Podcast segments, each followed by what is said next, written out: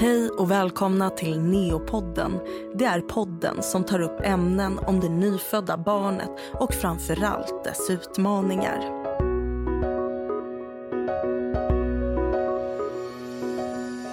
Idag tänkte vi prata om den känslomässiga relationen mellan dig och ditt barn.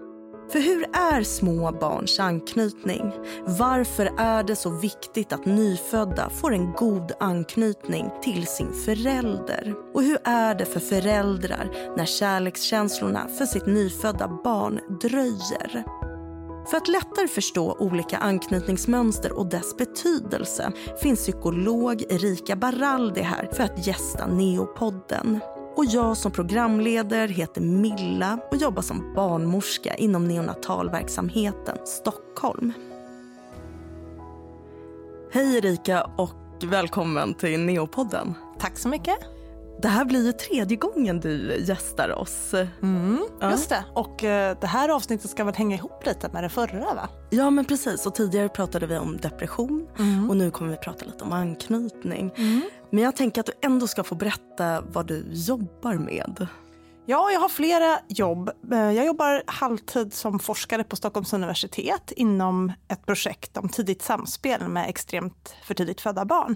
Och sen så arbetar jag också med vårdutveckling här på Karolinska Universitetssjukhuset inom neonatal hemsjukvård och uppföljning.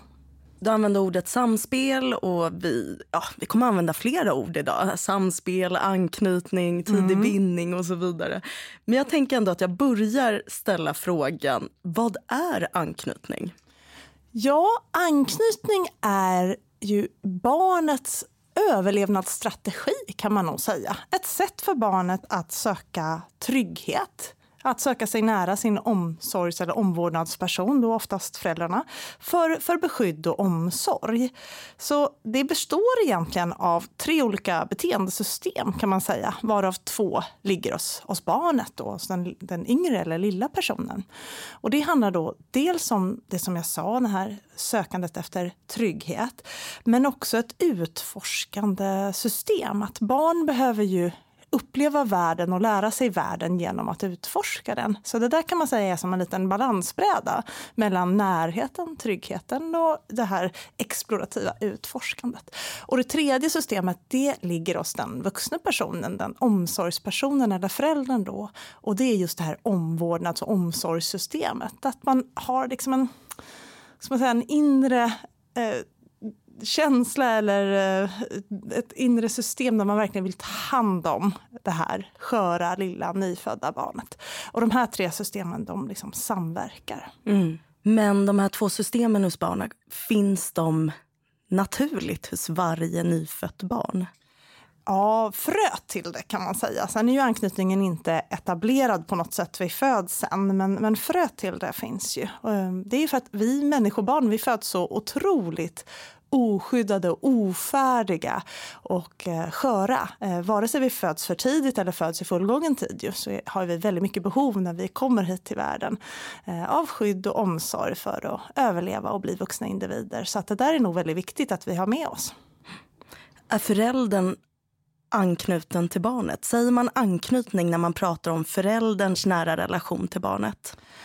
Och många gör ju det, men det är ju egentligen, om man ska vara Peter Meteraktig psykolog, så är det ju inte korrekt. Utan det är ju barnet som, som har en anknytning eller, eller en begynnande anknytningsrelation till sina föräldrar eller sin förälder. Medan föräldern har ju en, förhoppningsvis utvecklat en mentaliseringsförmåga och, och en gradvis bindning till barnet. Och det där har ju att göra med just det här trygghetssökandet. Ibland så hör man ju faktiskt i media och sådär vuxna personer säga att jag blev trygg först när jag fick mitt, mitt barn. Eller lilla Saga, hon är min trygghet och sådär. Och det, det är ju på ett sätt lite oroväckande uttalande. Om man som vuxen person tänker att jag söker min trygghet i ett spädbarn. Eh, då har man ju vänt lite på relationen. För det är ju barnet som verkligen behöver tryggheten från sin förälder. Eh, och föräldern ska ju i det läget gå in i en, en omsorgssituation, en omhändertagande situation och vara den där trygga, stabila personen för barnet. Så mm. Man kan säga att under graviditeten sker ju en slags gradvis förflyttning. För först är vi ju, vi är ju alla barn till någon, dotter eller son eller så till någon. Och sen så blir vi den där personen som någon annan ska utgå ifrån när den utforskar världen. Och då behöver det ske den där förflyttningen då i systemet. Mm. Um, att vi blir den som, som har en bindning till våra barn istället för vice versa. Jag tror lite att det är som du säger att man eh, kanske använder ordet anknytning lite slarvigt. För mm. att det är ju väldigt mycket så och det ser vi ju på neonatalen att föräldern kliver ju in och tar hand om barnet. Mm. Och barnet söker trygghet hos föräldern men sen så använder man ändå ordet anknytning. Mm. Men menar inte att man liksom söker tryggheten hos barnet. Men om Nej, man nu... precis, precis. Jag, jag förstår ja, verkligen men, det. Men sen kan det ju förmodligen också vara så hos ett fåtal att man använder barnet som en trygghet. Mm. Eh, men, men då tänker jag så här, om man då använder ordet anknytning för att prata om barnets sätt att knyta an till föräldern. Men vad säger man då om det skulle, liksom relationen mamma till barn eller mm. förälder till barn? Då? Mm. Av förälder till barn då skulle jag säga bindning eller det här ordet om mentalisering som ju är man kan säga anknytningens stora syster brukar i alla fall jag säga. Att mentalisera det är ju keeping mind in mind brukar man säga på engelska. Om jag ska försöka översätta det så är det på något sätt att försöka förstå eh, saker och ting. Hur andra upplever världen, hur andra känner så bra som möjligt. Så i vanliga fall så ser jag ju mig själv inifrån. Och då vet jag hela tiden hur jag känner inför någonting, hur jag tänker om någonting och sådär. Och så ser jag andra utifrån. Jag ser dig nu Milla till exempel, du ser ut som en kompetent och, och trygg liksom, barnmorska här utifrån. Men du känner dig själv inifrån och du kanske vet att du sitter och funderar på något helt annat under tiden där du kanske tvivlar på dig själv ibland och sådär. Så brukar det vara. Så. Och så är det. Så är det. Så är det. Nej, Nej, men så är det för de flesta av oss. Och just det där att kunna vända på steken, att försöka förstå andra människor lite mer inifrån. Jaha, men varför gör hon så här? Vad kan det hänga ihop med? Och försöka se mig själv lite mer utifrån som andra uppfattar mig. Då kan man säga att man har påbörjat ett arbete kring mentalisering. Så om jag mentaliserar kring mitt barn, då försöker jag se så här, ja, men hur, hur upplever mitt barn den här situationen? Hur är det att vara alldeles nyfödd och ny på den här jorden och inte veta så mycket än och inte kunna så mycket än och kanske känna sig eh, Ja, men man blir kall lätt när man föds och allt är nytt och man behöver den här tryggheten. Hur upplever mitt barn då? Hur kan jag trygga barnet? Då har jag börjat liksom en, en mentaliseringsresa kan man säga med mitt barn. Och det är det som lägger grunden för att barnet sen ska kunna utveckla en, en trygghet i förhållande till mig. Men då barnet och anknytningen.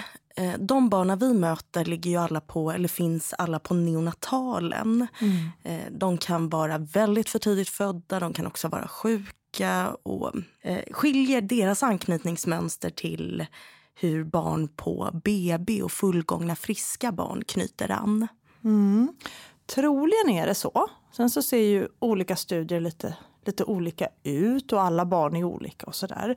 Men man kan säga när man tittar eh, på studierna så verkar det som om att för det första att föräldern, hur föräldern mår har stor betydelse för hur det här utvecklas hos, hos alla barn. Ju. Så att om föräldern under sin neonatalvistelse, barnets neonatalvistelse har känt sig väldigt eh, nedstämd och orolig på olika sätt. Nu relaterar jag lite till det här första, förra avsnittet som vi hade här i Neopodden. Då kan man säga att det finns en, verkar finnas en relation till att man sen tolkar sitt barn lite mindre positivt. Att man tolkar sitt barn som att barnet inte klarar saker lika mycket. Och så här. Man är inte lika lyhörd och öppen öppen för barnets styrkor och förmågor och så. Och det kommer ju påverka hur barnet utvecklas på olika sätt. Sen så, nu har jag tittat lite kring studier just för att jag skulle komma hit, så jag skulle ha lite på, på fötterna verkligen. Um, och då finns det, det finns en finsk systematisk översikt från 2011 kring just det här med barn som har vårdats på neonatalen och, och eh, anknytning och trygghet och så på sikt. Och då i den eh, systematiska översikten så verkade det som att det här påverkar mest den första tiden, de första sex månaderna, men att det sen i, i en del studier i alla fall kan stabilisera upp sig över, över tid. Eh, men en mycket intressant studie som kom 2017 från Madrid faktiskt, där man tittade på barn som föddes under 1500 grams födelsevikt eller, eller under 32 veckor veckor. Eh, när man sen testade dem vid två års ålder, eh, just för det här med anknytningsmönster. Det finns något som heter främmande relationen, en sån eh, situation, en så, ett sånt test man gör. Då såg man att de hade en högre andel just otrygg anknytningsmönster än de fullgångna barnen kunde man se då. Um, men det var inte några extrema skillnader skulle jag säga, eh, för det första. Eh, däremot kunde man se att ju tidigare barnet var fött, desto mer eh, påverkades den trygga anknytningen på sikt som det mm. verkade, där det var en riskfaktor faktiskt. Jag tänker att vi också så småningom kommer komma in på det här med anknytningsmönster och i mm. vuxen ålder. Mm, mm. Men jag, jag, skulle vilja gå tillbaka till barnet på neonatalen först. Och då var det här du nämnde med hur föräldern mår och så. Men jag tänker om föräldern ändå ligger mycket hud mot hud med sitt barn. Eh, är inte det bra för anknytningen? Känner barnet ändå av att mamma är, eller mamma säger men att föräldern är nedstämd? Eh, det är absolut bra med hud mot hudvård och det är därför vi ska vara försiktiga när vi tittar på de här studierna. Särskilt de systematiska översikterna som är lite äldre och tittar på äldre studier. För att neonatalvården såg enormt annorlunda ut för till exempel 20 år sedan än den gör idag. Där den är mycket bättre idag förstås. Till exempel så, så utsattes ju barn för mer smärta smärta förr eh, än man gör idag. Det var ju också så att det var mer separation, mindre hud mot hudvård än, än vi som tur har, har idag, då, åtminstone i Sverige. Eh, miljön var ju inte anpassad efter, efter barnets behov när barnet föddes på samma sätt då som, som man faktiskt gör nu, bättre och bättre. Så att det är stora skillnader för att just det här som du nämner, att ligga hud mot hud, att känna förälderns doft, att höra röster och kanske hjärtslag och, och värme är det män som går över. Allt det här reglerar ju barnet på ett sätt som, som verkligen främjar en trygg anknytning på sikt. Men jag har märkt för, när jag har jobbat i, i den somatiska vården att att vi har lite olika syn på det här med trygghet och anknytning ändå om vi kommer från den, den psykiatriska eller den somatiska sidan. Där vi som är psykologer, vi tänker att det här kroppsliga somatiska som du pratar om. Vi pratar om bröstmjölk, vi pratar om hud mot hud, vi pratar om kroppen. Det är ju liksom en förutsättning för att trygghet ska kunna utvecklas, den fysiska närvaron. Men vi som är psykologer tänker att det inte är tillräckligt riktigt. Det är liksom en komponent och sen kan man ju vara närvarande eller frånvarande i psykologisk mening. Och det är en annan komponent. Um, så likväl som det sker kroppsligt behöver det även ske mentalt hos ja. föräldern? Ja, jag var ju inne på begreppet mentalisering tidigare. Att ta till sig barnet, att fundera över, över vem är den här lilla krabaten som har lagts på mitt bröst. Um, och försöka förstå hur, hur hen upplever världen. Att försöka lyssna in barnet, tolka in barnet, besvara barnets tidiga tidiga, tidiga, tidiga signaler. Det är liksom också en, en förutsättning. Det här som vi brukar kalla för, för lyhördhet och närvaro. Jag tror vi som vuxna vi vet ju alla gånger om någon är närvarande eller frånvarande i en konversation. Det tror jag vi alla har varit med om. Man sitter med någon och så känner man sig, men hallå, lyssnar du? Och den personen är ju där, mm. på plats, kanske till och med tittar mig i ögonen. Men inte där eh, i, i relationen. Och det påverkar relationen. Men hur kan jag då som förälder stärka den känslomässiga relationen mellan mig och mitt barn?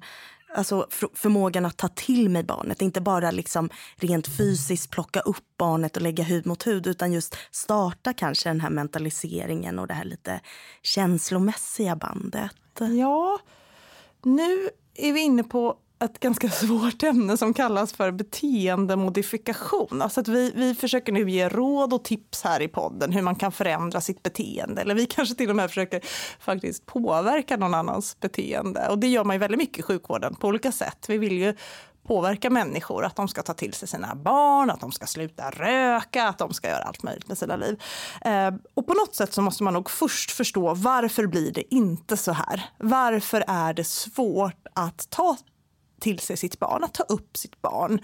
Eh, eller att sluta röka för den delen. Vad som helst som är hälsosamt. Varför är det svårt? Vi måste i varje enskilt fall försöka förstå vad finns det för hinder på vägen? Varför blir det så här? Vi måste liksom gå tio mil i den här personens skor för att förstå svårigheterna för att kunna hjälpa just den här personen. Så bara att sitta här i en podd och säga det här och det här och det här är bra, det har inte så stor effekt på beteendemodifikationsplanet. Det kommer inte förändra någons beteende. Men som information kan vi ändå säga. Ja, men jag tänker också så här, kan att barnet är för tidigt fött, ja. kan det vara en orsak till att man har svårt att Absolut. knyta an? Eller att man inte kan ta upp barnet, att man inte är, man är liksom inte riktigt mentalt där för att man, man har kanske på ett sätt, det är klart man förstår att barnet är här och nu men, men man har liksom inte fått, man har inte riktigt hängt med att barnet är, är nu fött och jag är förälder. Att det kanske gör att kärlekskänslorna till sitt barn dröjer. Mm. Eller vad, vad kan... Det kan, vara en. det kan vara en, absolut. Den är ju ganska generell ändå eh, på neonatalavdelning där du pratar om nu. Och sen finns det ju hundra individuella skäl förstås. Någon har inte med sig trygghet, någon förälder har inte med sig trygghet från sin egen uppväxt och det gör det svårare att ge trygghet nu när det är dags för det. Någon har varit väldigt stressad, någon lever med stor skam och skuldkänsla inför det som har hänt eller någonting. Mm. Så det är väldigt olika. Men, men att finnas där för sitt barn med kroppen det räcker väldigt långt om man känner att, att, att känslan inte riktigt är där. Utan då får man börja i den änden, att min kropp är här och den är faktiskt varm. Och jag har ett hjärta som slår. Och jag är förälder till det här barnet, det vet jag att jag är. Jag kanske bara vet det kognitivt, alltså med tankarna. Jag kanske inte känner det än. Men var lite snäll mot sig själv och tänka att det där, det där kommer nog ikapp. Jag brukar säga att kärleken kommer alltid ikapp. Vi kan vänta in den lite och bara vara här under tiden. Men om det är någonting man kan säga till sig själv liksom som någon slags trygghet eller mantra så är det ju att försöka vara den här trygga basen och utgå ifrån. Att det räcker att bara vara den här personen. Um, jag tänker också att relation, alla relationer vi har byggs över tid mm. på något sätt. Mm. Och att kärleken också får växa lite. Mm. Uh, jag som barnmorska vet ju också att uh, föräldrar till fullgångna barn kan också ge uttryck för de här känslorna. Mm. Att uh, ja, men att kärlekskänslorna inte riktigt är där ännu. Mm. Men ofta finns vad ska man säga, finns en känsla av att vilja ta hand om i alla fall. Eller mm. att vara nära sitt barn. Mm. Men vad roligt att du säger det, för att, för att när jag skulle få mitt första barn då berättade barnmorskorna så här, när man får sitt barn eh, upp på bröstet då är det som att en liten motorväg plötsligt öppnas upp mellan hjärtarna, mellan sig själv och barnet. men det var inte du, det var någon annan. nej, men det tyckte jag var, det var så... bara en grusväg. Det, var bara, nej, men det kan vara en grusväg eller en mm. stig eller ingen väg alls. Nej. Och det är också helt okej. Okay. Mm. Uh, verkligen. Um, så det, jag brukar tänka som ett café där man antingen beställer en instant coffee eller en long brew. Att man liksom, antingen vill man ha ett kaffe som kommer på en gång och där man bara jättesnabbt blandar ihop och så finns det där, det där kaffet. Uh, eller så tänker man så här, ja men det kanske kan få mogna över tid och, och uh, att det har stått där och mognat till sig och då kan jag ta till mig det. Så, så då, jag skulle hellre beställa en long brew då. Så kan det verkligen få vara och det är ingenting som är sämre med det ena eller andra. Sen så brukar man säga att det man ska tänka på som, som just den här personen som någon ska knyta an till, det är att man alltid behöver vara större, starkare, klok och snäll. Och då brukar jag framförallt tänka på det här med snäll. Att alltid, alltid vara snäll. Och det kanske inte är så svårt att vara på en neonatalavdelning som förälder. Men, men över tid, när man kommer hem och när barnet växer upp att ibland kan man bli väldigt irriterad på sina barn, man kan behöva känna att man måste uppfostra dem på olika sätt. Och att ha i bakhuvudet som ett litet mantra. Jag är den som alltid är snäll här inne, för jag är förälder. Det brukar i alla fall hjälpa mig när jag är på väg åt ett annat håll som inte alltid är snällt. Jag har funderat lite kring det här med att känslorna dröjer. Att de här kärlekskänslorna inte liksom kommer direkt. Eh, hur, hur liksom Vet du hur det är med skuldkänslan och sådär? Hur tänker föräldrar kring det här med att inte känna direkt kärlek? Utan... Ja, I ett föräldraskap så finns ju ofta en upplevelse av stort ansvar och det ska det ju finnas. Men också en upplevelse av skuld, att man har gjort någonting fel. Och man förväxlar ofta det här med en objektiv upplevelse. Man säger så här att ja, det är ju så att jag har skuld i det här och det här. Det är ju säkert att det är på det viset. Men det här är ju ofta subjektiva upplevelser, alltså någonting som jag känner. Det är inte en reell skuld, utan en skuld som jag upplever på olika sätt. Och där måste vi tänka, vad är funktionellt för barnets utveckling och för familjedynamiken? Och det funktionella är inte att fastna i skuld eller till och med skamkänslor. Och skam är ju en ännu starkare känsla för den har ju att göra med uteslutning ur, ur gruppen. Jag är liksom inte värdig det här epitetet mor eller far eh, eller förälder för att jag är så dålig på olika sätt. Jag har gjort så många fel.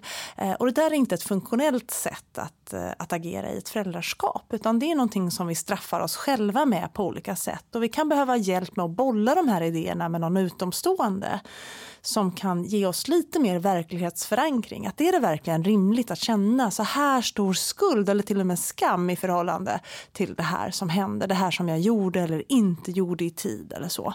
Och ofta så är det ju väldigt överdrivet. Det ingår liksom i, i föräldraskapet att känna på det här sättet. Men det är inte funktionellt att, att gräva ner sig i det. Utan snarare att titta på det som faktiskt har fungerat. Även om det bara är pyttesmå glimtar och ögonblick av positiv relation eller samspel med mitt barn eller så, så är det det vi behöver verkligen växa i som föräldrar för att komma vidare. Mm. Det känns ju nästan lite olyckligt och kanske till och med problematiskt att vi inte pratar så mycket om att, eh, att det är helt normalt att känslorna kan dröja lite. Mm. I och med att, för det verkar ju som att det väcker mycket skuldkänslor hos föräldrar. Ja, verkligen. Men nu gör vi ju det här. Ja, ja men precis. Så är vi är ett strålande exempel på något annat. Nej, men jag tror verkligen att vi behöver prata mer om det. Jag tror också lite på nätet så finns det ju något som heter mumshaming eller sådär. Ja, att man på det. olika sätt liksom, eh, genom sitt exemplariska sätt att vara eller vad jag visar upp av mitt liv och mitt föräldraskap på Instagram. Det kan också få andra att känna att så där är det inte riktigt i min familj, så där är det inte riktigt i mitt liv och så snabbt hamnar man i olika skam tillstånd. Mm. Och därför så tror jag att vi behöver vända på den steken och visa upp lite mer eh, realism, lite mer vardag. Jag tror att vi professionella också behöver plocka ner oss från piedestalen som vi ofta upphöjs på. Ja, men du, du som kan allt det här, du måste ju ha en fantastisk relation med dina barn. Du kan aldrig ha höjt rösten och sådär. Det tror jag att vi behöver skrota lite grann, de där idéerna. Det kan ju vara skönt att spegla sig i den glansen, men vi behöver nog verkligen förstå att vi alla alla sitter i samma båt här och att vi, vi agerar inte optimalt som föräldrar. Vi gör inte det i varje givet ögonblick. Mm. Och forskning visar att de mest lyhörda och mest kompetenta föräldrarna, de läser av sina barn fel, deras reaktioner, eh, deras kommunikation fel i ungefär hälften av fallen. Men det som utmärker de lyhörda föräldrarna det är att de då reparerar och försöker igen och inte ger upp. Så det kan vi ha med oss. Mm. Så skam och skuld finner sin näring i snäva ideal och mm. eh, moraliska omdömen på nätet. Bland annat, men mm. också väldigt mycket inifrån. Det här är någonting som vi har mm. internaliserat tror jag i generationer. Att vi behöver vara per perfekta föräldrar. Mm. Och också när vi pratar ju om barnets skörhet ganska mycket, i synnerhet på neonatalavdelningen. Och det stämmer ju, barn har med sig ofta en medicinsk skörhet. Det är därför som de vårdas på sjukhus. Men det betyder inte att barnet inte parallellt har en resiliens, en psykologisk motståndskraft. Att barn faktiskt är också spädbarn spädbarn, också sköra spädbarn, de är också kompetenta och motståndskraftiga. Och de är här för att utvecklas. Och minsta lilla positiv samspelssituation som de får sig till livs kommer de att suga i sig och växa på. Och ju fler sådana möjligheter vi ger, desto bättre. Mm. Nej, men jag brukar bara tänka på mig själv. Jag minns ingenting från min eh, barndom. Nej, okay. och ändå har det gått ganska bra. Nej då. Men, men jag får känslan ibland ja. att föräldrar drar liksom minsta lilla motgång till att liksom sätta spår för barnets framtid. Mm, mm. Eh, vi måste också, nej, och vi måste också skilja på vad som är enskilda händelser och vad som är ett mönster som mm. finns där hela tiden. tror jag. Visst. Mm. En känsla jag har, sen vet inte jag om den det är en känsla som sagt som jag har. Det är att några föräldrar, eller vissa föräldrar som jag har träffat och som har behövt kämpa lite med anknytningen. Mm. Eh, att i och med att de har liksom vridit och vändit på, äh, vänt på det här, funderat över sina känslor och verkligen jobbat på att äh, ta till sig barnet, att när det väl släpper så har de nästan som en alldeles speciell relation till sina barn och att den nästan mm. ibland kan vara mm. än mer stark. Mm. Att de liksom inte tvivlar längre på den här mm. känslomässiga eh, relationen för de har redan liksom stött och blött och funderat och vridit och vändit, äh, vänt på den. Mm. Förstår du lite hur jag tänker? Ja, jag vad, kan få en sån känsla. Mm. Vad intressant. Det är som att de har varit igenom redan ett stadie av ambivalens. Ja, precis. Mm. Att de redan de har kanske från start ifrågasatt Mm. de här känslorna. Och mm. Varför känner jag så här? Och, mm. och så och så har de liksom jobbat på det där.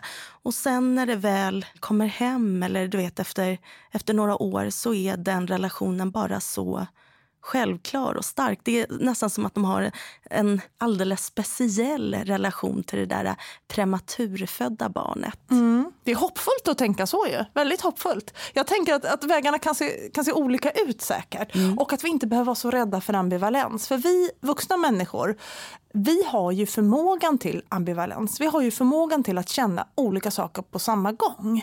Jag kan till exempel på min sambo vara jättearg och tycka att hen gör något jättetokigt. Men på samma gång ha en grundtrygghet i att jag är jättekär i den här personen. Jag är ju det samtidigt, jag vet ju det. Och det där är en trygghet, att känna olika saker på samma gång och det, det förstör ingenting, det förändrar ingenting. Och på samma sätt är det när vi tar till oss våra barn. Vi kan känna osäkerhet på. Kan jag, kan, har jag en bindning? Kan jag ta till mig det här barnet? Är det här mitt barn på ett känslomässigt plan? Och på samma gång kanske känna en trygghet i att det här är en process. Det är på väg och jag är en trygg person i grunden som kommer kunna ge det här. Och det är helt okej okay med de där tvivlen och ambivalensen. Det gör oss inte till dåliga föräldrar eller att processen är, är på väg åt fel håll eller så. Men de här personerna som du pratar om, de har redan varit igenom det där ifrågasättande stadiet och på något sätt kommit ut på andra sidan då. Ja, men jag tänker lite det. Ja. det är, som sagt, det är bara en känsla jag har när jag mm. träffar vissa föräldrar några år senare. Att de kan ha tvivlat och just varit lite ambivalenta när de var på avdelningen och eh, ja, pratade kring det och så. Men sen några år senare så har de helt landat i det. Mm. Mm. Men, Vi ska ju veta att det är en mm. process också för barnet att, att utveckla anknytningsmönstret till föräldern. Det är ju ingenting som sker över en natt heller. Utan det utvecklas ju. Man, man brukar prata om liksom tre faser på det där. Att den första fasen är ungefär från födseln till ja, någonstans runt två, tre månader korrigerad ålder.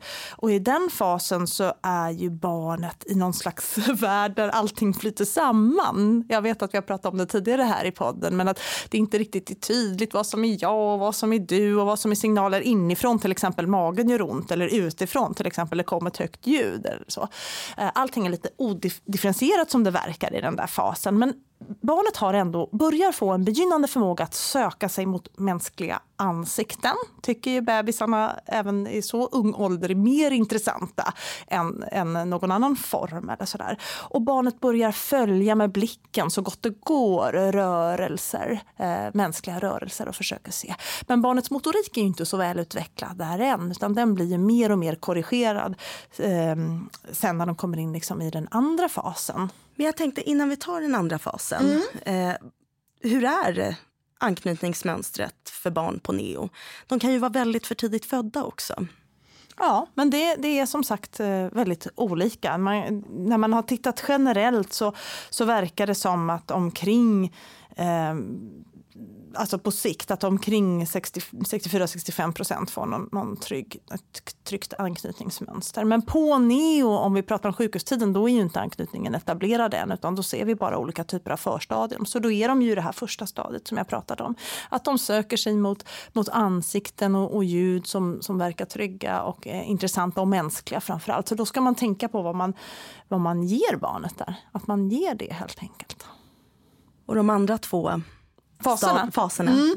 Nej, men sen så när barnet har närmat sig eller har kommit över typ två, tre månader korrigerad ålder och fram till ett halvår eller kanske nio månader så är de i den andra fasen. Och då kan man börja prata mer om tydligt samspel ju, mellan föräldrar och barn, verkligen tydligt. Eh, och man brukar säga att höjdpunkten på anknytningsresan nås vid någonstans sju månader. Och det känner ju alla till som har varit på, på BVC med sina lite större barn. Då, att helt plötsligt så blir det inte lika lätt att lämna ifrån sig bebisen till, till sköterskan och sådär. För att bebisen är lite mer selektiv vem hen känner sig trygg med och vem hen vill vara nära och sådär. Och då, då har barnet börjat differentiera lite mer och samspelet blir tydligare. Och här blir den här asymmetriska anknytningsrelationen tydligt. Och med asymmetrisk menar jag att den är inte jämlik så tillvida att det är en som ska verkligen ge den här trygga basen.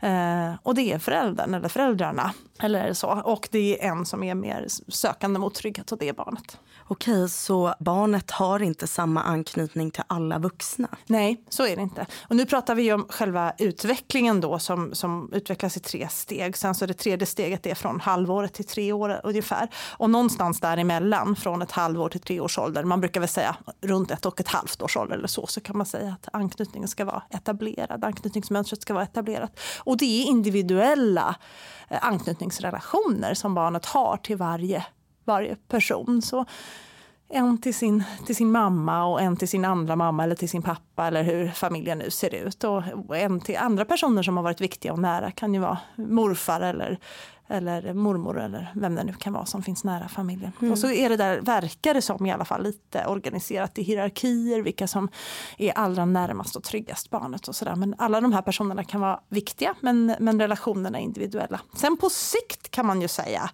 att barnet, eller alla vi, har liksom utvecklat en slags generell trygghet i världen. Så är det ju med vår, vi som är vuxna också. Att vi har som någon slags generellt eh, anknytningsmönster. Sådär. Eh, om man förväntar sig trygghet eller otrygghet. Så. så för det lilla barnet så är det egentligen bara några få som barnet känner den här trygga anknytningen till. Det kan inte vara liksom ett eh, en familj på 10-20 personer eller grannen eller så, utan det är några få som barnet väljer ut. Och jag vågar inte riktigt säga, det beror på hur närvarande de här personerna har varit, hur många man kan vara. Jag vågar inte riktigt säga det, men det är Nej. i alla fall inte så att, att det gäller bara en eller två föräldrar, så enkelt är det inte. Uh, sen ska man ju ha klart för sig att det här att vara en person som tar hand om ett barn, en vårdare av ett barn, till exempel om man jobbar som sjuksköterska på, en, på, på ett sjukhus eller på ett barnsjukhus sjukhus eller om man till exempel är förskolepedagog eller sådär. Då kan man ju vara trygg person för barnet men, men det är inte så troligt att man blir en anknytningsperson på det sättet riktigt. För då behöver man verkligen vara där kontinuerligt för barnet. Om vi nu ska prata om de här anknytningsmönstren. Du nämnde lite kort i början och då tror jag du nämnde trygg anknytning eller ambivalent anknytning. Och då tänker jag de här i vuxen ålder. Vilka finns det och kan du inte berätta lite om dem? Ja, först ska jag då ha som en slags disclaimer att de här stabiliteten i de här anknytningsmönstren, de har inte alls samma forskningsstöd egentligen eh, som det här vi pratade om tidigare, de här beteendesystemen, trygghet och utforskande och omsorgssystemet. Det, det har mycket mer stabilitet över tid eller mycket mer välbeforskat egentligen. Däremot i media har ju de här anknytningsmönstren verkligen slagit. Folk är väldigt intresserade av att analysera sina anknytningsmönster. Och det man då tittar på det är eh, tre huvudsakliga och en som är lite mer avvikande. Då. Så först har vi det trygga, det som kallas för B-systemet. Ehm, det är de barn eller vuxna som har eh, liksom utvecklat en generell trygghet eh, till en annan person eller till världen. Att jag kommer att kunna signalera mina behov och jag kommer troligtvis om jag gör det att få dem ungefär tillfredsställda. Jag känner mig trygg att både vara nära men också våga utforska världen. Sen så har vi det här otrygga ambivalenta som du pratade om. Då eh, är det lite svårare att trösta det barnet som har utvecklat den, det mönstret. Det barnet vill liksom å ena sidan vara nära och ha, ha trygghet, å andra sidan klarar inte av närhet och behöver vara självständig. Och så är det hela tiden i det här ambivalenta stadiet som kan vara ganska svårt för oss vuxna att, att, att möta upp och hantera och, och, ge de här basala behoven tillgodosedda ifall, ifall reaktionen är på det sättet. Och sen har vi den här otrygg otryggt undvikande beteendemönstret eller anknytningsmönstret. Och det är ju de barn som man ofta beskriver som extremt självständiga från tidig ålder som inte behöver någonting. Och det kan ju misstolkas som en överdriven trygghet hos en del vuxna. kan ju säga. Han är så enormt trygg, han behöver inte någon. Eh, och det kan ju också vara en, en slags undvikande anknytningsmönster. Sen så finns det en, en fjärde situation som vi kallar för den desorganiserade anknytningen. Och den är lite mer ovanlig som, som tur är och också lite mer allvarlig. Det är de barn som har utsatts för, för svåra omsorgssvikter under sin uppväxt. Då kan man utveckla det. Det kan till exempel ha att göra med kanske föräldrar som är fast i ett svårt missbruk eller eller föräldrar som själva lider av väldigt svår psykisk sjukdom eller så, där samhället inte har upptäckt det och inte har gått in och stöttat upp och hjälpt till. För med rätt stöd så behöver det inte bli så. Från vilken ålder kan man eh, utläsa det här? Från när ser man om barnet har en otrygg eller undvikande eller desorganiserad anknytning? Ja, som sagt, det är inte superstabilt så man ska vara lite försiktig. Men man kan ju börja titta på det vid någonstans ett och ett halvt års ålder brukar man nog säga. Men det här är inte diagnoser ska vi ha klart för oss. Det är liksom inte eh, på det sättet att det finns i olika diagnosinstrument utan, utan det här är liksom ett sätt att beskriva barnets känslomässiga liv och känslomässiga utveckling. Sådär. Följer de här anknytningsmönstren med liksom till vuxen ålder? Ja, i stort sett. Som sagt, det är ju lite instabil forskning kring det här. Men, men i stort sett så kan man ju säga att, att vi sen har med oss i vuxen ålder en, en slags grundtrygghet eller grundotrygghet. Det kan man nog känna lite hos sig själv eller hos andra. Sådär, att det kan vara så. Mm. Och just det här som vi pratade om, barnets, den här spänningsfältet mellan att uh, söka trygghet och att utforska världen. Där finns ju någon slags spänningsfält eller man kan se som gungbräda däremellan. Det har ju vi vuxna med oss i våra relationer också. Eh, om vi tänker i synnerhet då på kärleksrelationer och I bästa fall ska ju de inte vara asymmetriska. Det ska inte vara du är den trygga i vår relation och jag är den otrygga. Utan vi ska ju hela tiden i en kärleksrelation kunna kunna ge och ta på olika sätt. Men där finns ju alltid ett spänningsfält mellan å ena sidan den här närheten, tryggheten, samhörigheten. Det finns liksom på ena sidan i vågskålen och så på andra sidan finns den här autonomin, utforskandet, individualiteten. Eh, det finns å andra sidan. Och så måste vi hela tiden i vår kärleksrelation, om vi har en sån, förhandla vad, vad, så att säga, mellan parterna. Var står vi här? Hur mycket är det vi som gör saker tillsammans, som lever livet och som är en enhet? Och hur mycket är jag Eh, mig själv. Jag är Rika, jag är en yrkesperson, jag gör det här liksom, utan att min partner är med i det. till exempel. Mm. Och så, så det där är ju någonting vi hela tiden bär med oss. Att hela tiden jämka optimalt mellan de här två starka behoven det kan ju kännas som att mycket står på spel. Att det nästan kan sätta spår för all framtid om man inte samspelar eller är närvarande från början. Mm, mm. Eh, men om man nu inte har orken eller förmågan att samspela och vara nära sitt barn hur sätter man då grunden för en trygg anknytning trots allt? Så att man inte hamnar i det här att man får barn som sedan växer upp och eh, kanske inte klarar relationer i vuxen ålder? Ja, alltså, kanske en svår fråga. Jag kanske ja, tog i lite här. Du tar, det... tar i lite för att det är lite, ja. vi får inte bli, bli, bli dömande och Nej. vi föräldrar får inte bli för hårda mot oss själva. Jag tänker att vi psykologer gör oss ofta skyldiga till det här att vi är så väldigt fokuserade på separation. Oh, vad dåligt med separation. Och har ditt barn legat i kuvös? Herregud, sådär. Vi är så mycket mindre fokuserade på rep reparation, alltså det som kommer efter. Och vi är mycket sämre på att informera om att vi kan reparera saker som har skett i livet. Det är det som är vår fantastiska mänskliga förmåga. Allt är inte här och nu i stunden utan det kommer förhoppningsvis också i livet ett sen där vi kan reparera för saker som har skett. Eh, och det fungerar. Man kan ge extra mycket senare och, och liksom börja bygga därifrån. Men det betyder inte att vi ska med flit vänta med att vara trygga personer. Jag menar bara att har det varit väldigt instabilt i livets början för ett barn, barnet kanske svävade mellan liv och död. Vi pratar om, om kanske de svårast sjuka barnen som vårdas på våra neonatalavdelningar. Och föräldern ska ta, sig, ta till sig det här barnet och, och vara den här tryggheten för barnet men är ju själv helt otryggt i den här situationen, att vara nära att förlora sitt barn. Då får man inte vara för hård mot sig själv. Utan man måste tänka att här och nu gör jag så gott jag kan och sen kommer ett sen när jag kan reparera för det som eventuellt har hänt eller inte har hänt under den här perioden. Så det vill jag verkligen ge med föräldrar. Och återigen, tänk så här oj, oj, oj, vad många människor det finns i världen och vilka olika bakgrunder de har. Om man pratar med, med vuxna människor om de har flytt från krig och de har varit med om tidiga separationer och de har haft föräldrar som har missbrukat och det ena med det andra. Och ändå så finns det en resiliens hos människan, en slags motståndskraft, en överlevnadsstrategi som gör att vi blir hyfsat fungerande människor ändå. Det ska vi komma ihåg. Mm, så vi ska inte vara allt för hårda mot oss själva. Och jag tänker som förälder på neonatalen så är man ju ofta väldigt närvarande och även fast man kanske inte är det rent mentalt alla gånger så är man ju det ofta fysiskt. Mm. Och sen finns ju också vi där, mm. alltså vi personal som tar upp barnet och mm. pratar med barnet och så. Tänk så, här, jag är den bästa föräldern för det här barnet. Ja. Det här barnet är mitt barn. Ehm, även om jag inte känner det alla gånger så kan jag se det på, i journalen om inte annat. Och eh, jag är den bästa föräldern som det här barnet kan ha. Mm. För jag är den här barnet, det här barnets förälder. Och om man tänker så så blir det lite lättare eh, att stå ut med de här svåra sakerna som vi ibland behöver gå igenom. Mm. Ibland kan ju barn, som vi sa nu, sväva mellan liv och död på riktigt. Men ibland kan det mer vara en uppleva hos, upplevelse hos föräldern att det har varit så. Medan personalen har varit tryggare i att nej men det här barnet kommer klara sig fint. Mm. Det här är bara en vårdprocess. Men min upplevelse kan ju ändå vara väldigt sådär läskig och fragmenterad som mm. förälder. Mm.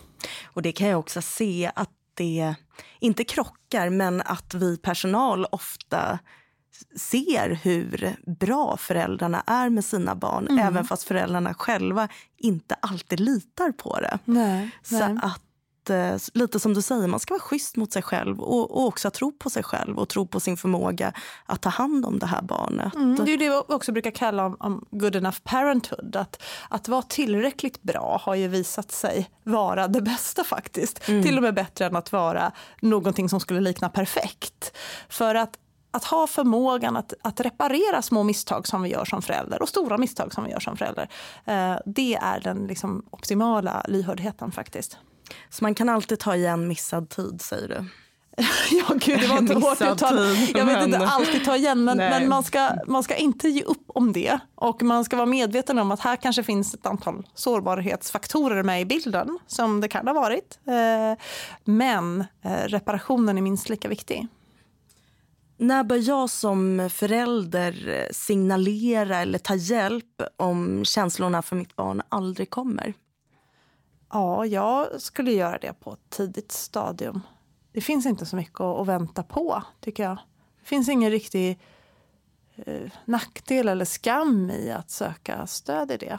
Um, på, på, inom barn och ungdomspsykiatrin, där det jobbar barnpsykologer som är experter på de yngre barnen, där har vi en hel del olika såna här samspels behandlingar där vi kan hjälpa föräldrar att komma igång med sin mentalisering om det är lite knepigt själv av olika eh, anledningar. Um, och de där olika behandlingsmetoderna de går ofta ut på att dels öka förälderns lyhördhet, att finnas där för barnet. Att försöka mentalisera och förstå barnet eh, så, så gott det nu går, liksom inifrån, försöka läsa av på olika sätt. Men också på sikt att sätta lite ramar och gränser i föräldraskapet och för relationen. Och det här att tolka barnets förmåga, kompetens brukar man faktiskt prata om, spädbarnskompetens, att tolka det positivt. Att barnet kan, att barnet har ett mot, en motståndskraft, en resiliens, att barnet har en styrka, en förmåga. Att få lite hjälp och se det där det kan vara, vara hjälp att kicka igång den här föräldrakänslan och närheten. Mm. Just det här att vända på det hela eh, att försöka se fördelarna snarare än nackdelarna verkar vara väldigt viktigt. Jag vet att du har nämnt det i tidigare podd mm. och du nämner det även nu. Mm. Att inte lägga allt för stort fokus på det som kanske är lite jobbigt. Mm. Eh, eller tänker jag rätt? Utan att man istället ska se att fasen det här klarar mitt barn av och det här gör vi bra tillsammans. Ja, det här är det som kallas för strength-based approach på engelska. Alltså styrkebaserat eh, sätt att se sitt barn, sitt föräldraskap, världen. Eh, och det har i forskning visat sig vara det mest framgångsrika. Att inte fokusera allt för mycket på det som är knepigt utan att fokusera på det som faktiskt fungerar och bygga vidare på det. Och ibland mår jag så pass dåligt själv att jag behöver lite hjälp att se de där positiva bitarna. Och då kan man ju få hjälp med det. Till exempel från barn och ungdomspsykiatrin. Det kan finnas en kurator på avdelningen som kan hjälpa en också. Eller kanske via sin vårdcentral. Och jag tänker också på det här som du säger, att ta hjälp då. Är man på avdelningen, då är ju också hjälpen nära. Mm. Mm. Så. Ja, jag, jag ser ingen, ingen vits att, att vänta. Det gör jag inte. Det behöver inte vara jättelånga insatser heller. Ibland kan det räcka med att prata med någon som är lite utanför mitt familjesystem för att få en annan bild. Kan känslorna för ens barn försvinna? Ja, dels kan de ju vara ambivalenta som jag sa. Jag kan liksom ha, faktiskt både känna hat inför eh, mitt barn eller det som har hänt på olika sätt samtidigt som jag har liksom en begynnande kärlekskänsla. Och så. så kan det faktiskt vara i svåra situationer. Men om känslorna helt eh, försvinner och jag känner mig helt blank då är väl risken hyfsat stor att jag själv lider av en depression eh, som vi pratade om i förra avsnittet. Och då bör man ju få hjälp med att, att behandla den i första hand. Mm. Så som förälder till ett barn som behöver vård eller det kan också vara ett eh, friskt fullgånget barn, jag menar inte det, men det kan vara så att känslorna kan vara lite dubbla, att man kan faktiskt ena stunden ogilla sitt barn lite och samtidigt också gilla sitt barn lite. Ja, med, med sådana ord absolut. Ja, nej, men, nej, men, man, man kanske kan, kan vara besviken, ja, tänker eller en känsla ja. att fasen det blev inte det jag hade tänkt mig. Nej. Och så är man liksom lite ledsen och arg över det. Ja, vi pratade tidigare också om, om det kan finnas en sorg över det drömda barnet, det barnet som inte kom. Och här kom ett annat barn och då behöver jag lära känna det barnet. Så absolut, ambivalens är en, en fantastisk äh, mänsklig möjlighet tänker jag. Mm. Och som vi inte behöver vara så rädda för. Nej precis, så det är liksom in, äh, det är inget patologiskt Nej. i det. Nej. Utan det är en helt normal känsla ja. föräldrar känner. Mm. Däremot den här avstängdheten och blankheten som vi pratade om, det kan ju vara kris eller depression. Eh, det kan vara en del av det. Så då kan man behöva lite stöd i att komma vidare till att känna någonting. Mm. Hur är det med föräldrar som har eh, neuropsykiatriska diagnoser? Mm. En mamma med autism, ja. kanske exempelvis? Ja. ja um, det har det ju forskats en hel del på. Um, på senare år. Just det här föräldraskap när man själv har en funktionsnedsättning eller funktionsvariation. Och en del funktionsnedsättningar, funktionsvariationer, speciellt då inom neuropsykiatri, gör det ju extra svårt att eh, tolka andras eh, känslouttryck till exempel. Eller att få ihop vardagen om man har en, om man har en påverkan på sin exekutiva funktion. Alltså just förmågan att liksom organisera, planera och genomföra uppgifter.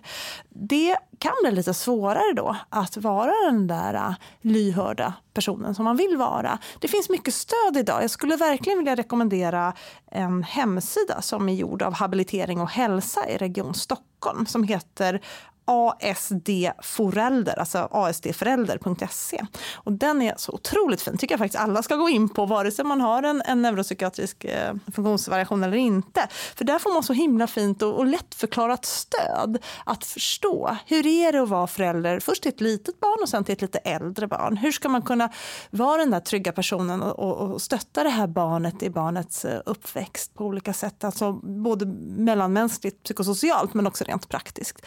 Så den där kan man få väldigt mycket stöd för det kan vara extra utmanande. Och just när det gäller ADHD som du var inne på också, då, då kanske man kan ta stöd till exempel av den här Mm, Riksföreningen Attention som är en sån här patientförening. De har jättemånga lokalorganisationer runt om i Sverige. Och där kan man få stöd både vad det gäller ens arbetsliv men också vad det gäller ens föräldraskap. Att få ihop vardagen. Ehm, att eh, skapa rutiner som håller både för en själv och för barnet. Att skapa situationer där man får vila från föräldraskapet för att kunna komma igen och orka med på olika sätt. Mm. Om man tänker sig nu att vi har det här barnet som växer upp och eh, får ett visst anknytningsmönster eller en vuxna som har ett visst anknytningsmönster. Om jag vill påverka den, eh, hur gör jag då? Alltså om jag inte vill vara den här eh, otrygga, ambivalenta eller desorganiserade, mm. vad kan jag göra för att liksom mm. röra mig mot det trygga? Mm. Alltså det, det knepiga för oss människor det är att hjärnan söker det som den är bekant med och van med. Så är jag van med många otrygga relationer runt mig, då finns tendensen hos oss människor att söka oss till det igen och framförallt om vi stöter på det inte ta avstånd från det utan fortsätta leva i det på olika sätt. Och det där är en svårighet för oss människor, ju att bryta det och gå mot mer trygghet.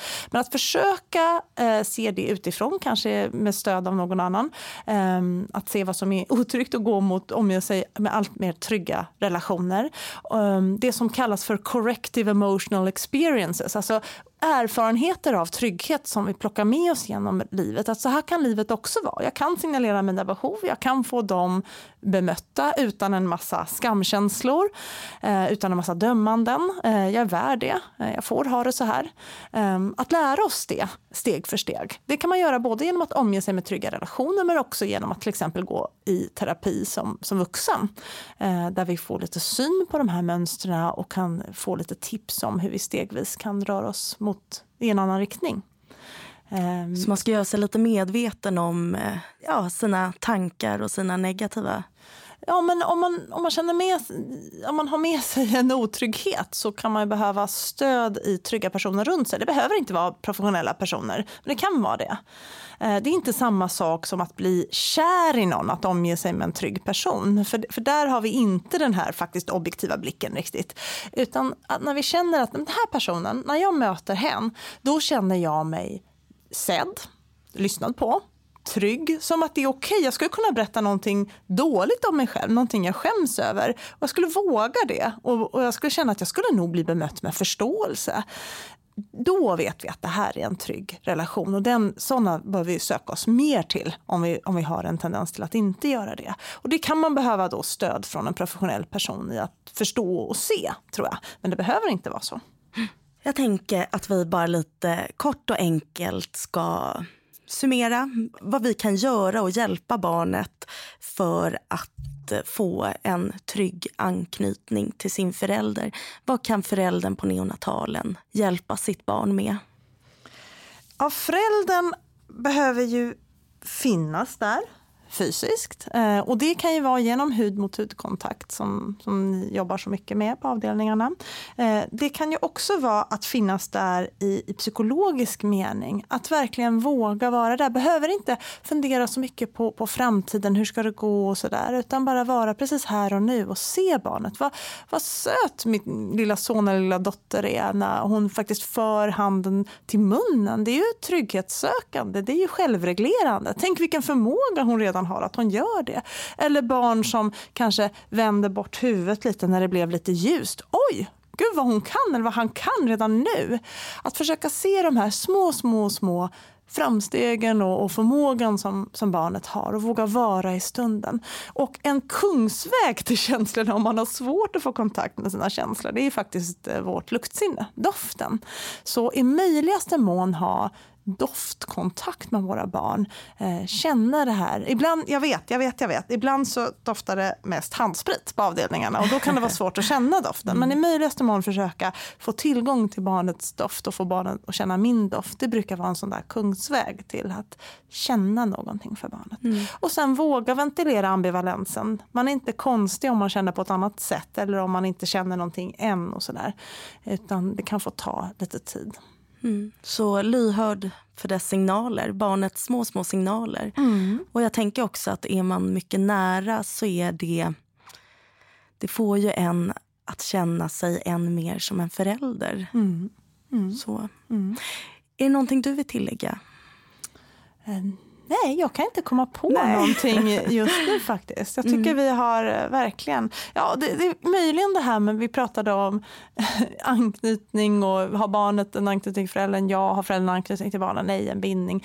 Vi brukar också prata om det här med svag och stark anknytning. Det är också ett annat missförstånd som vi kanske borde räta ut lite grann. Att, att barnet kan ju inte värja sig ifrån att knyta an till sin förälder om föräldern bara finns där i fysisk mening. Och det är det som blir lite knepigt att också barn till föräldrar som har stora egna svårigheter av till exempel det skulle kunna vara missbruk eller våld i hemmet eller vad det nu kan vara. Eh, också de föräldrarna kommer barnet knyta an till om föräldern finns där. För barnet har den här inbyggda liksom, drivkraften och förmågan. Så där kan ju anknytningen bli väldigt stark men den blir troligtvis inte trygg. Så när vi pratar om anknytning så ska vi helst prata liksom i termer av trygg och otrygg snarare än i termer av, av svag och stark. Mm. För det hör man ofta. Att de, ah, ja, han var inte så starkt anknuten till mig. Och så, det, det var han antagligen. Men, mm. men, men den var inte trygg. Ja, föräldern upplevde mm. att det mm. inte var tryggt. Sen så behöver det inte vara så på det men man kan känna mm. så. Och då skulle man kunna summera det att om man som förälder bara finns nära så kommer anknytningen att ske över tid. Över tid. Mm, steg för steg. Över Barnet tid. kommer att knyta an, mm. bara du är nära. Mm. Och eh, hur tryggt det blir, det, det, har mer att göra med då hur din, din förmåga att vara emotionellt närvarande också. Och den påverkas ju av hur vi mår själva. Mm. Så, så där kan man behöva eget stöd för att stå ut i situationen. Och då tänker jag framförallt på föräldrarna på Neo att eh, ta den hjälp som finns och våga vara nära. Och våga vara emotionellt nära då också. Um, även när man känner sig ledsen. Det, det är okej. Okay. Mm. Erika, nu har inte jag några fler frågor. Nej. Nej. Tack för att du ville vara med ännu en gång i Neopodden. Mm, tack så mycket för att jag fick komma. Ja, det är klart. Tack. Det var allt för Neopodden den här gången. Tack ni som lyssnat och tack psykolog Erika Baraldi som delade med dig av din kunskap. Är det så att du som lyssnar vill veta mer om neonatalvård så följ oss gärna på våra sociala medier. Tack!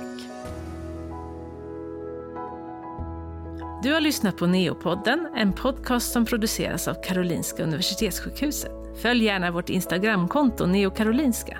Lär dig mer om neonatalvård på karolinska.se eller ladda ner vår mobila från App Store eller Google Play.